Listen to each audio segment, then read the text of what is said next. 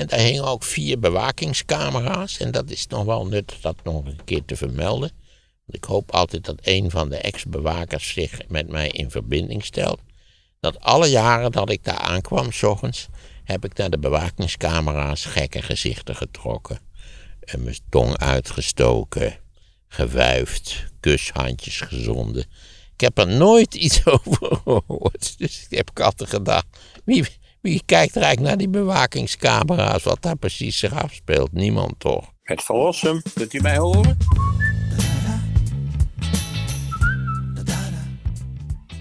Ik heb voor deze aflevering alle post die we binnen hebben gekregen maar eens verzameld. Dus ik stel voor dat we uh, zoveel mogelijk vragen en opmerkingen gaan behandelen. Uh, wat krijgen we allemaal? We gaan het onder andere hebben over Nederland Fietsland. En wat zijn jouw ervaringen, Maarten, als fietser? Uh, we gaan het hebben over Toon Hermans. De sluiting van de mijnen komt voorbij. Wat als de Duitsers in de Tweede Wereldoorlog hadden gewonnen? Hoe zag Nederland er dan uit? Um, en we beginnen met Tesla, want er is ook een opmerking over. Bas Verhoef die zegt een correctie bij de aflevering over Tesla. Elon Musk heeft helemaal niet de naam Tesla gekozen voor zijn uh, bedrijf. Oh, dat hebben die eerste stichters gedaan. Precies, de oorspronkelijke oprichters. Martin okay. Eberhard en Mark uh, Tarpening. Ja, dat zal ongetwijfeld juist zijn. Ik weet niet of ik zo met, met, met nadruk had gesteld dat Elon Musk dat had verzonnen. Het ging meer om de vraag, is het terecht dat, dat die auto's Tesla's worden genoemd? Dat vond ik wel, wel een leuk idee eigenlijk, eerlijk gezegd. Overigens is Tesla ook nog een, een meeteenheid in de elektrotechniek. Ben de Vries, die stuurde een bericht vanuit Warfhuizen.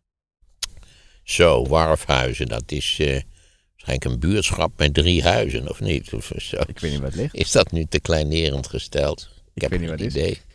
Kun u de Warfhuizen, ja, maakt toch een, een Noord-Nederlandse indruk, toch? Ja, ben ik met je eens. We kunnen het zo even opzoeken. Kunt u de volgende vraag misschien behandelen, meneer Van Rossum? Wat als Duitsland wel de oorlog gewonnen had? Was dat dan slecht geweest voor Nederland en voor ons leven hier? Ja, dat denk ik wel, ja. Het was heel slecht geweest, ja. In feite, dat zijn van de gekste dingen dat, dat voor zover er bij, bij in het naziregime eh, plannen waren voor wat er zou moeten gebeuren na een eventuele overwinning, maken die toch een heel slecht doordachte en chaotische indruk. Ze hebben jarenlang in Oost-Europa met, ik weet niet, 400.000 boeren rondgetopt.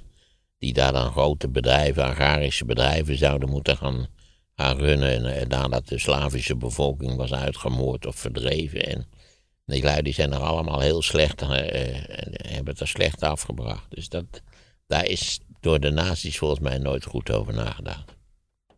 En natuurlijk het, beheer van Europa, de bezetting van Europa op de wat langere termijn zou voor Duitsland volgens mij een fors probleem zijn geweest. ook, ook met potentieel verzet natuurlijk.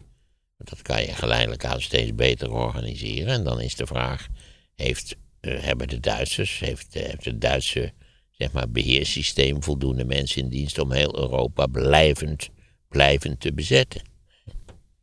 Kijk, nu was het al zo natuurlijk uh, al halverwege de Tweede Wereldoorlog het, kan, het kantelpunt bereikt was omdat het was iedereen duidelijk dat Duitsland ging verliezen. Het kon Mm. even duren, maar Duitsland ging wel verliezen. Ja.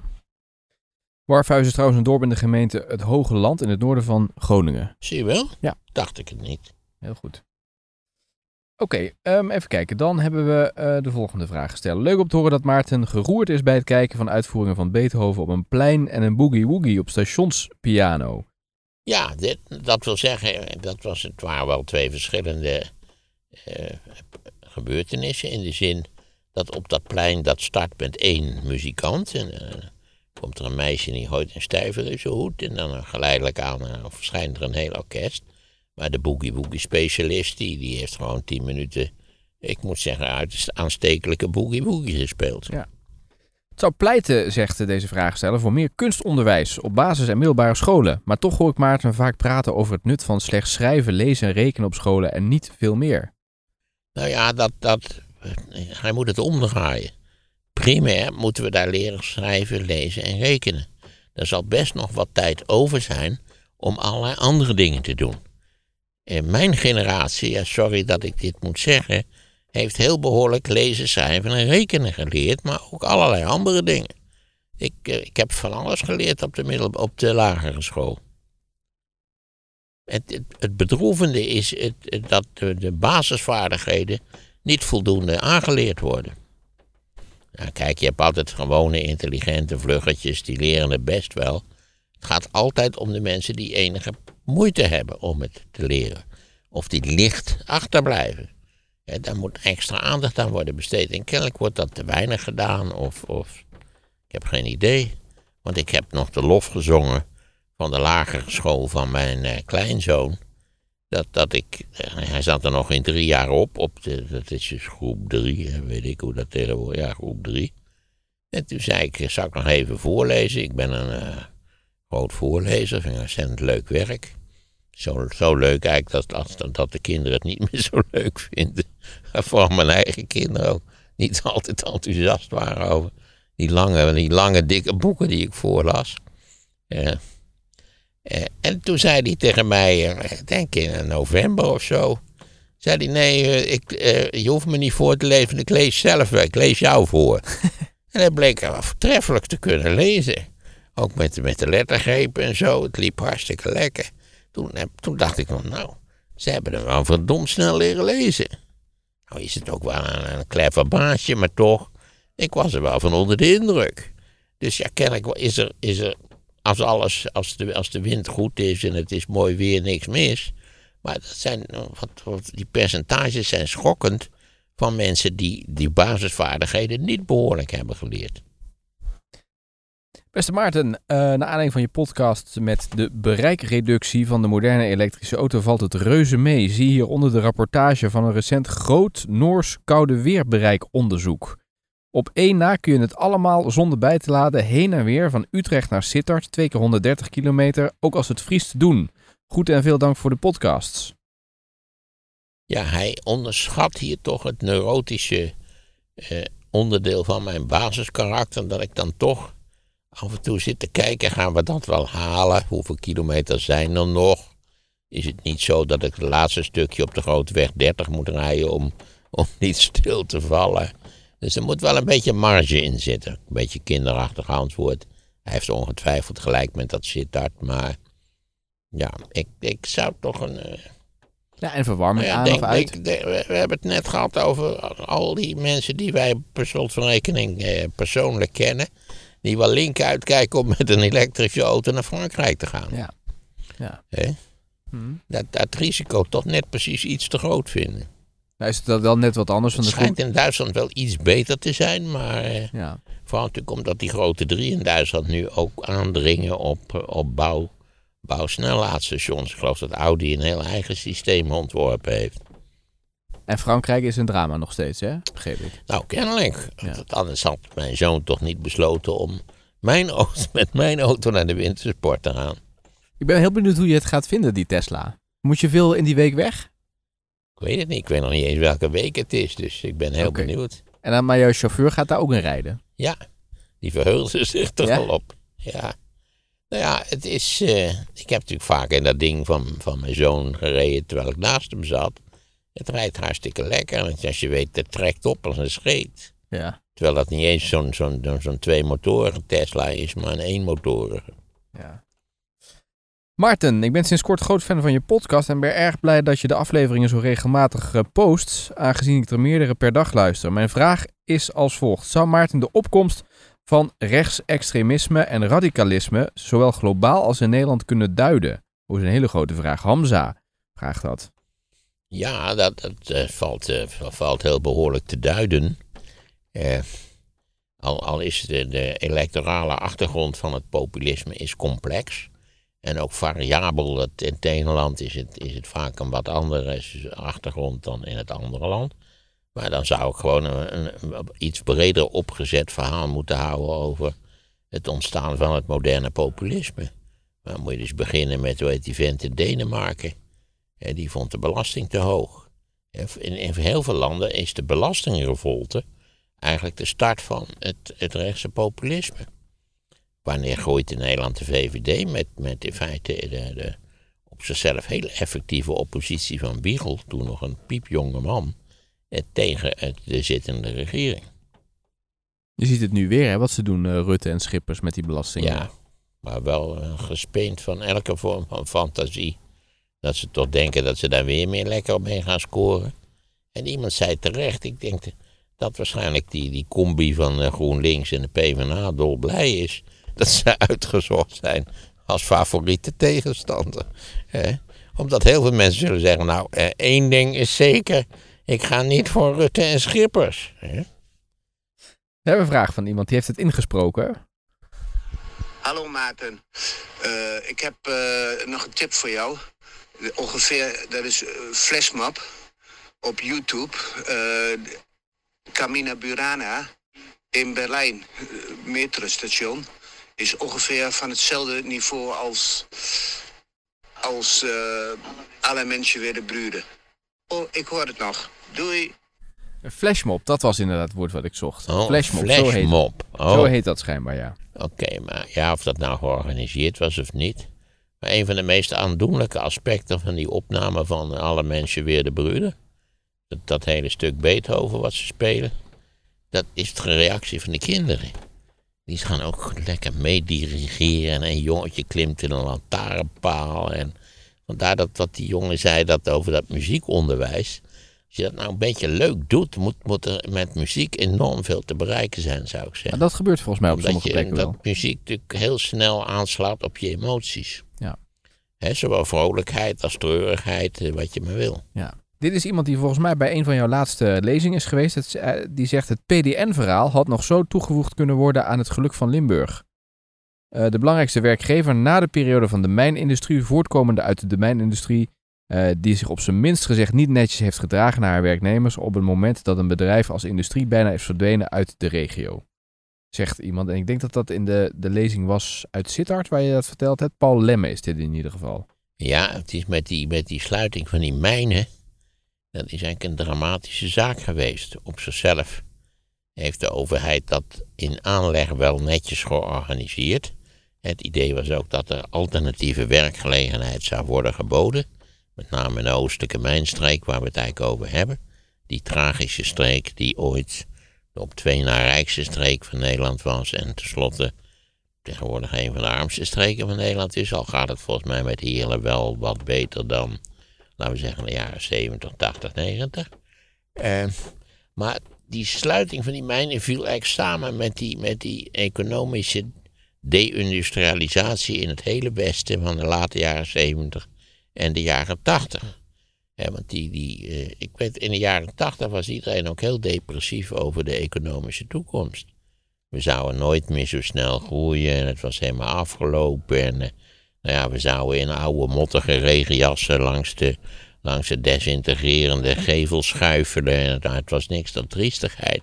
En ik weet wel dat eigenlijk in, in 788 begon dat, was er een soort kantelpunt, ja, verrekte kantelpunt.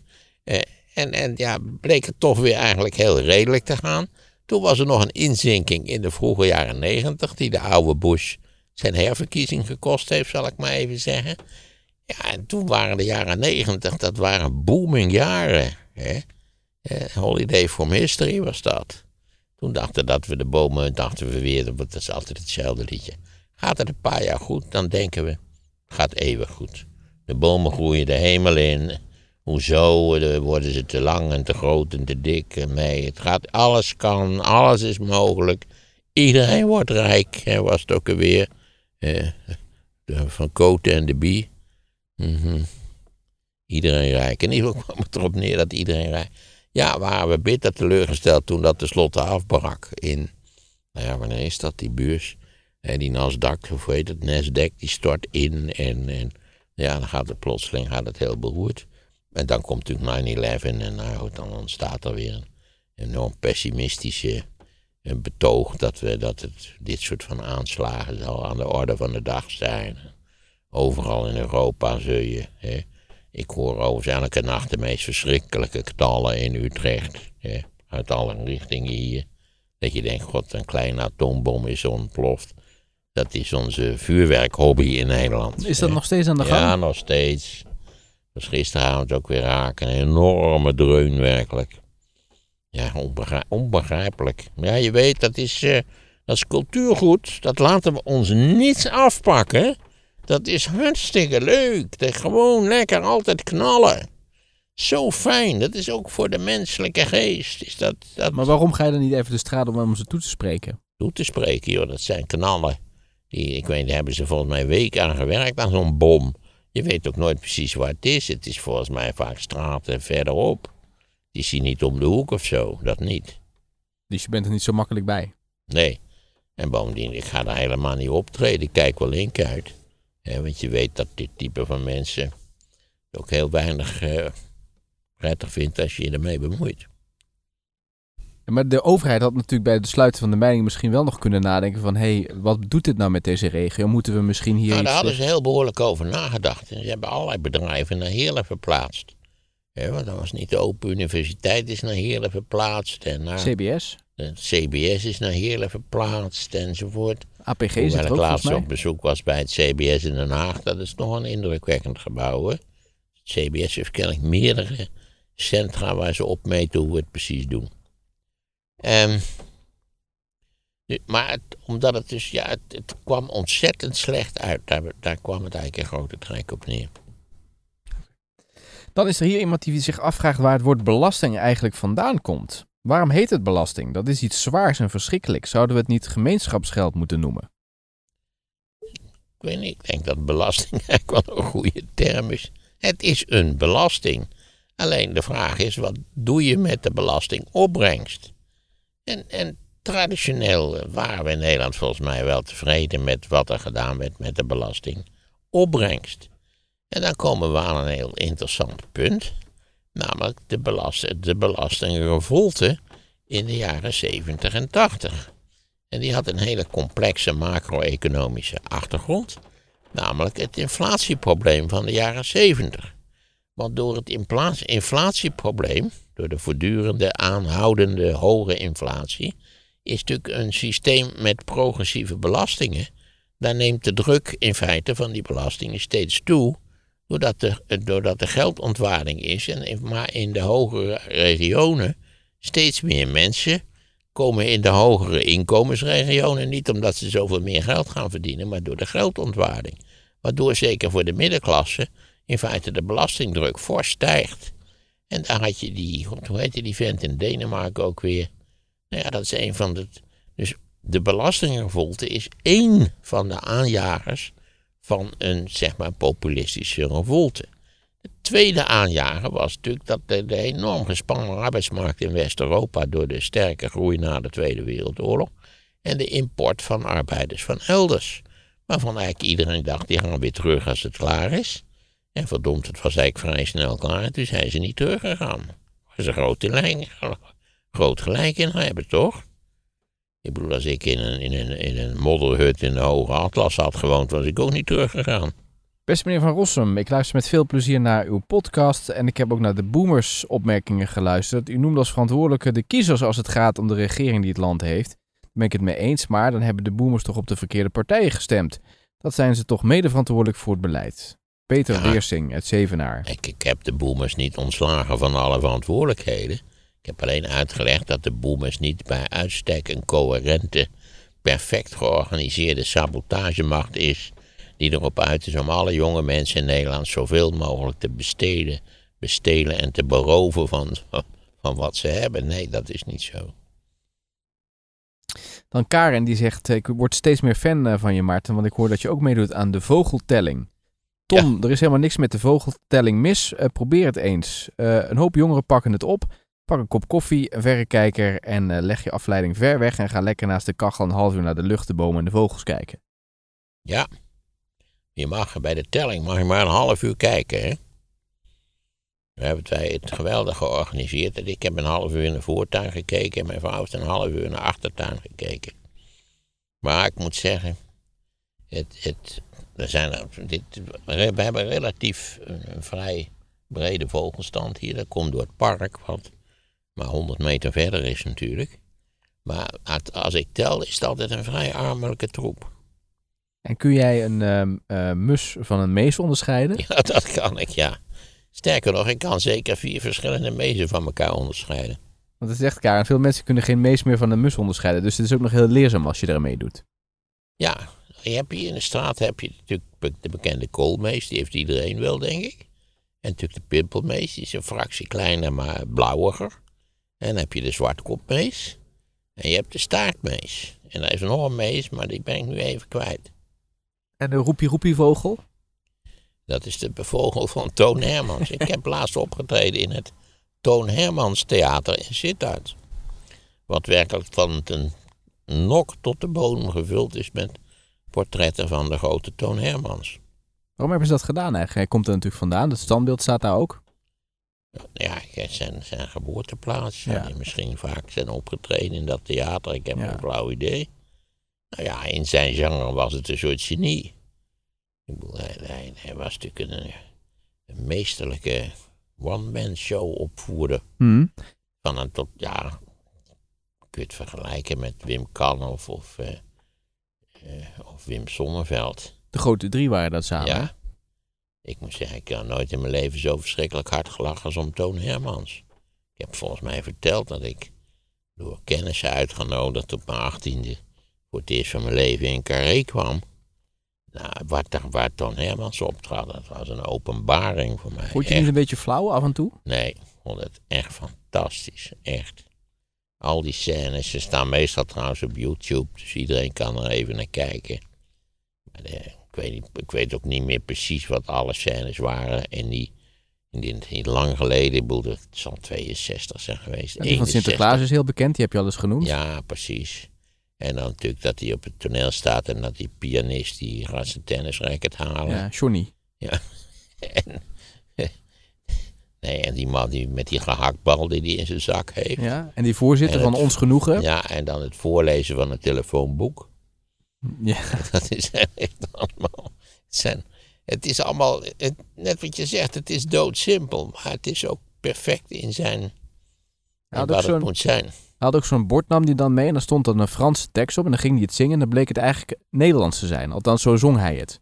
Je hebt die ook die scène van vakantie in Frankrijk. Ja. Samen met zijn broer.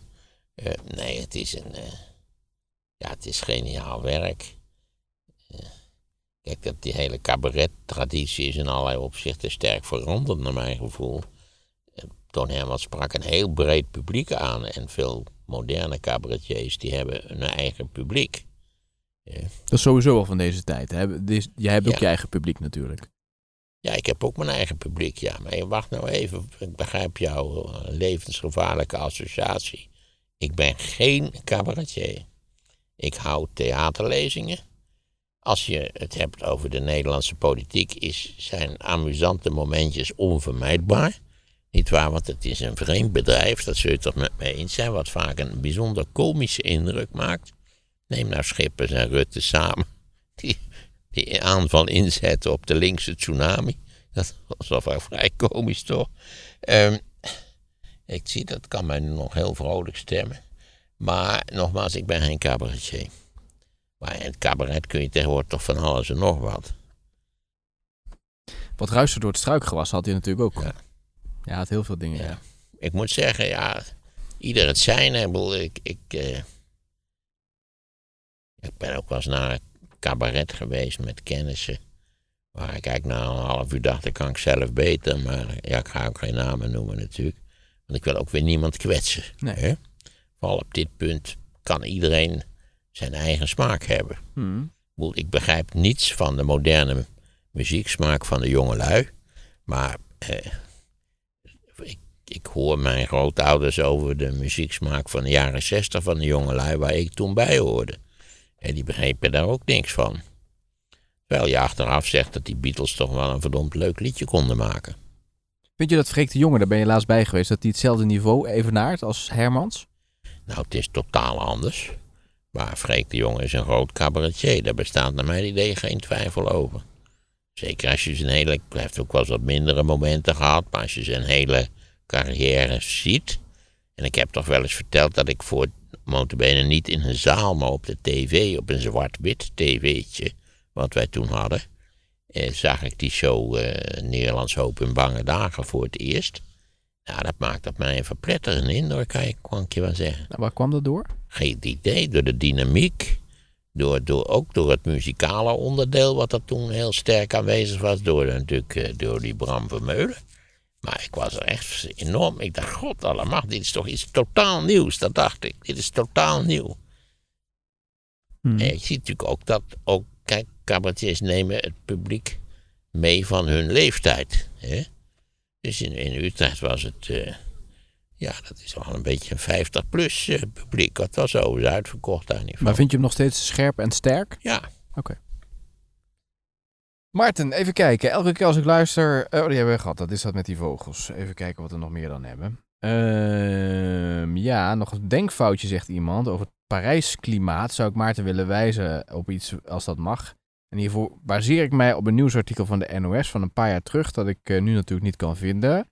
Maarten zegt gelezen te hebben dat we binnenkort het klima- klimaat van Parijs krijgen. Maar dat hebben we al. Ons huidige klimaat zou gelijk zijn aan dat van Nice 25 jaar geleden en dat van Parijs 50 jaar geleden. Gemiddeld schuift onze klimaatzone dus zo'n 12 kilometer per jaar op naar het zuiden. zou kunnen. Maar goed, dan hebben we dus nu het klimaat van Parijs, of zou alweer verder zijn? Ja, van Parijs zegt hij dus Van nu. Nice, het, het klimaat van Nice hebben we zeker niet, naar mijn idee. Zover zijn we nog niet. Nee, dat nog niet. Maar we, we Maar we zouden wel op termijn, dat kan ik me wel herinneren, het klimaat van de Provence krijgen. Ja. Hè? Hm. Daar zijn we bepaald nog niet, naar mijn idee. Ik ben er toevallig eh, een paar jaar geleden een paar keer in de Provence geweest. Dat is toch gegarandeerd een ander klimaat dan ook het zomerse klimaat in Nederland. Wat is het grootste verschil? Nou, dat het daar retende warm is. Ik, in, in, mijn, in mijn universum, eh, ik, ben dol op wandelen, 's middags als het eh, vakantie is. Hm. Maar er was geen middag bij dat ik normaal, dan had ik het niet overleefd, de wandeling. Ja. Het was hartstikke warm. Maarten, ik begon met luisteren naar je podcast tijdens onze fietsreis met een vriend en ons zoontje van toen bijna één jaar oud. Ehm, en eh, mijn zoon zat in een karretje achter de fiets. We zijn in drie maanden door West-Europa gefietst. Een hele mooie reis waarbij ik nu een brug over de Rhône associeer met de geschiedenis van het neoliberalisme en Italiaanse supermarkten met Amerikaanse presidenten. Mijn vraag gaat dan ook over fietsen. Ik weet dat Maarten daar niet van houdt, maar ik vroeg me af hoe lang is Nederland al een fietsland? Had iedereen toen Maarten klein was ook al een fiets? Of is dit later pas gekomen? Zegt Sanne Uitenthuis. Nou, op zichzelf een interessante vraag, maar toen ik jong was had iedereen wel een fiets in Nederland, jazeker. Er werd flink, flink wat gefietst. Eh, wat je nooit hoort natuurlijk is dat eh, de opkomst van de bromfiets vanaf de late jaren 40 ook in Nederland toch een, een, eigenlijk de eerste mobiliteitsrevolutie was. Het gaat natuurlijk altijd over de auto, maar natuurlijk met een bromfiets, zelfs met zo'n lullige Solex, kon je wel eh, in een dorp verderop gaan werken. Of misschien al 20, 30 kilometer verderop. Laat staan met een beetje forse bromfiets, dan, dan kon je dat rustig doen. Dus dat, dat is eigenlijk. Er wordt te weinig geschreven over het revolutionaire karakter van de bromfiets in de Nederlandse samenleving. Maar ja, iedereen had een fiets in mijn jeugd, ja. Maar de fiets is natuurlijk oorspronkelijk in de late 19e eeuw was de fiets een deftige zaak. Een fiets was duur. Het was niet iets wat de gewone man kon geen fiets betalen. Denk aan die rare velocipèdes waarop dan de elite kleine ritjes maakte. Eh, en de fiets is eigenlijk pas stap voor stap iets geworden wat iedereen zich kon permitteren. We zijn nu geloof ik het enige land ter wereld waar meer fietsen dan inwoners zijn. Eh, al heb ik mijn fiets dan weggedaan. Maar eh, ja, de fiets is een, is een fantastisch vervoermiddel. Dat wil zeggen, de fiets is een fantastisch vervoermiddel, behalve voor hoogbejaarde mensen in een hele drukke stad. Want voel jij je onveilig als je fietst? Ja, ik voel me enorm onveilig. Sinds iemand in de burgemeester Rijgenstraat riep: Hé hey, opa, kun je niet uitkijken? Voel ik me altijd onveilig. Hoe lang is dat nu geleden? Nou, ik had nog geen kleinkinderen, dus het is heel lang Oh. geleden. Ik denk dat dat het. Mijn oudste kleinkind is 15, dus dit moet meer dan 15 jaar Ben je geleden sindsdien zijn. ook minder gaan fietsen to- toen dat is geroepen naar je? Ja, ik ben sowieso systematisch minder gaan fietsen. Maar je fietst ben- altijd naar de universiteit, toch? Nee, ik was in principe wandelde ik altijd. Oh. Alleen als ik haast had of te laat was, dan ging ik met de fiets. Er is zo'n filmpje dat één vandaag een keer met jou mee op Ja, pad ja, gaat. En dan ja, zit je op de fiets. Ja, maar dat is een uitzondering. uitzondering. Ik liep, toen wij op de Uithof zaten, liep ik altijd heerlijk. Lekker fris, een stukje langs de Kromme Rijn. Ik was dol op die wandeling, echt waar. En als je hier vertrok, dan, dan was je nog een beetje versuft. Niet waar, door de slaap en zo. En, en, eh, en, en dan als je dan tegen de tijd dat je, nou, wat zal het zijn, een klein half uur later, bij het instituut arriveerde, Centrumgebouw Noord, dan was je lekker fris. En daar hingen ook vier bewakingscamera's. En dat is nog wel nuttig dat nog een keer te vermelden. Want ik hoop altijd dat een van de ex-bewakers zich met mij in verbinding stelt. Dat alle jaren dat ik daar aankwam, s ochtends, heb ik naar de bewakingscamera's gekke gezichten getrokken. En mijn tong uitgestoken, gewuifd, kushandjes gezonden. Ik heb er nooit iets over gehoord. Dus ik heb altijd gedacht, wie, wie kijkt er eigenlijk naar die bewakingscamera's, wat daar precies zich afspeelt? Niemand toch? Maar wandelen, dat vind jij, dat heb je al vaker gezegd, vind je nog steeds heel fijn om te doen. Ja, Dus- geweldig, omdat je na kunt denken. ja. Maar moest je op, wel de altijd... op de fiets kan je niet nadenken. Hoezo niet? Ja, omdat je steeds bedreigd wordt door, door automobielen en bussen Oh. en, en mensen die onverwacht oversteken en eh, ik weet al niet wat. Ja. Ja. Moest je wel iets eerder vertrekken natuurlijk van huis, want je had dat half uur wel nodig iedere keer.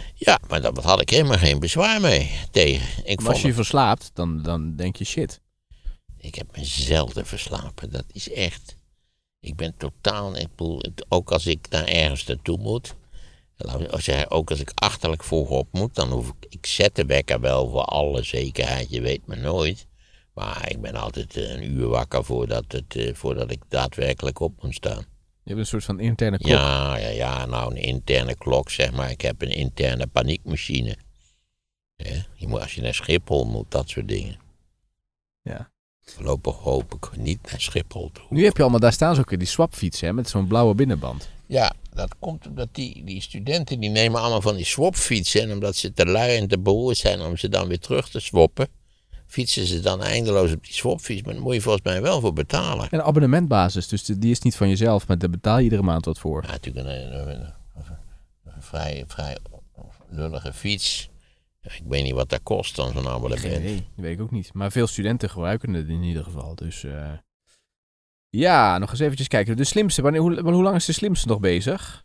Kijk, ik heb geen flauw idee. Ik denk nog een weekje of zo. Oké, oké. Want het is altijd eh, zes weken toch, of zo? Of, eh, Het zijn, om precies te zijn, het zijn het minus 1, 29 uitzendingen.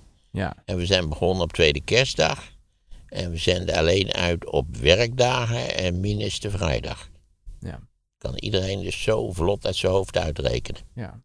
Oh ja, en dan nog wat reacties over de buffermengsels van mensen die het zich ook nog kunnen herinneren van scheikunde. En eh, eh, mensen die zeggen, ja, het is, wel, het is wel goed om te weten waar het voor is. Oh, Het is inderdaad iets wat je eh, vergeet waarvoor het van toepassing is, maar veel van de basis onthoud je wel. Zoals het belang van ehm valentie-elektronen. En daardoor weet je waarom stikstof in de atmosfeer niet hetzelfde is als de stikstofverbindingen. ja, daar heeft de betrokkenen groot gelijk in. Maar je begrijpt al uit deze boodschap, dampt, dampt al omhoog. Dat, de- dat die meneer of mevrouw er verstand van heeft. Dus die, voor daarvoor, als, je, als je in de sector werkt, in de chemie, op wat voor wijze dan ook. Dan is natuurlijk een buffermengsel is, eh, nuttig om daar iets van af te weten. Ja, Kijk, als je al over valentie begint en als het je duidelijk is natuurlijk dat eh, stikstof in de atmosfeer anders is dan stikstofverbindingen, dan eh, ja, voor dat, eh, ik geloof direct dat voor deze persoon dat het belangrijk was. op de, HBR, op de HBS, een school met een zeer breed pakket, leerde ik bij scheikunde van buffers. En dat hadden we nodig bij biologie om allerlei evenwichten te begrijpen. Zonder buffers springen de waarden onder invloed van buiten alle kanten op. Vraag maar aan de aquariumliefhebbers. Maarten is, een, Maarten is een buffer vol kennis en die heeft een be- bedarende invloed. Dus ik zou Philip Freeriks willen vragen of hij Maarten kan aankondigen als de buffer van de slimste mens. Dat, Dus, is, eh, dat is wel geestig, ja. Ik moet zeggen dat mijn zoon jarenlang een aquarium heeft gehad op zijn kamer, maar dat ik hem nog nooit over het bufferen van de inhoud van het aquarium iets heb horen zeggen. Ja, ja, ja, precies. En dan nog een vraag over Biden. Want ja, eh, mensen vragen of je daar toch niet iets eh, te mild voor bent geweest. Omdat nu ook in het tuinhuisje documenten zijn ge- gevonden. Ja, ik ben niet te mild geweest. Sterker nog, Mike Pence is, eh, die heeft nu ook documenten gevonden. Ja. Dus het is vrij e- evident dat iedereen die, die in die sector werkzaam is geweest, hele pakketten documenten mee naar huis heeft genomen. En toen heb ik nog uitgelegd dat die, dat die, die wijze waarop documenten als, als geheim worden beschouwd, dat die wel erg ruimhartig is in de Verenigde Staten. En volgens eh, heel veel mensen die er verstand van hebben, totaal idioot. En daarom komt het denk ik dat mensen, ja, je krijgt zo'n map mee naar huis als, als belangrijke figuur. En ja, daar zitten ook eh, dus eh, geheime documenten in. Bij Trump was het toch wel wat anders. Die had ze expres mee naar huis genomen. Terwijl bij Mike Pence of, of Joe Biden is het zo klaar als een klontje. Ja, dat hij die dingen inderdaad mee naar huis heeft genomen en er verder nooit meer een gedachte aan gespendeerd heeft. Mhm, ja. Dus ik denk dat, want er stond nog heel geestig, ik geloof in de New York Times, dat het wel tijd werd dat, dat ook Obama en Hillary en eh, dat iedereen eigenlijk eens even in zijn tuinhuisje en op zijn zolder ging rommelen om te kijken. Dus het wordt eigenlijk in toenemende mate meer een, nou ja, een running gag dan, dan iets wat van enig belang is. Net datgene wat ik altijd heb volgehouden, dat het flauwekul was. Wat zullen we de volgende keer bespreken? Ja, dat weet ik eigenlijk nog niet, moet ik je bekennen, want ik heb daar natuurlijk wel over nagedacht. Dus ik dacht toch, eh, was het, ik heb nog steeds dat boek wat ik heb gelezen, dat heet How the War Was Won. Daar heb ik wel eens iets over gezegd. Maar ik wil, omdat dat toch een heel alternatieve visie biedt op de Tweede Wereldoorlog, wou ik dat eigenlijk een keertje doen. Dat is goed.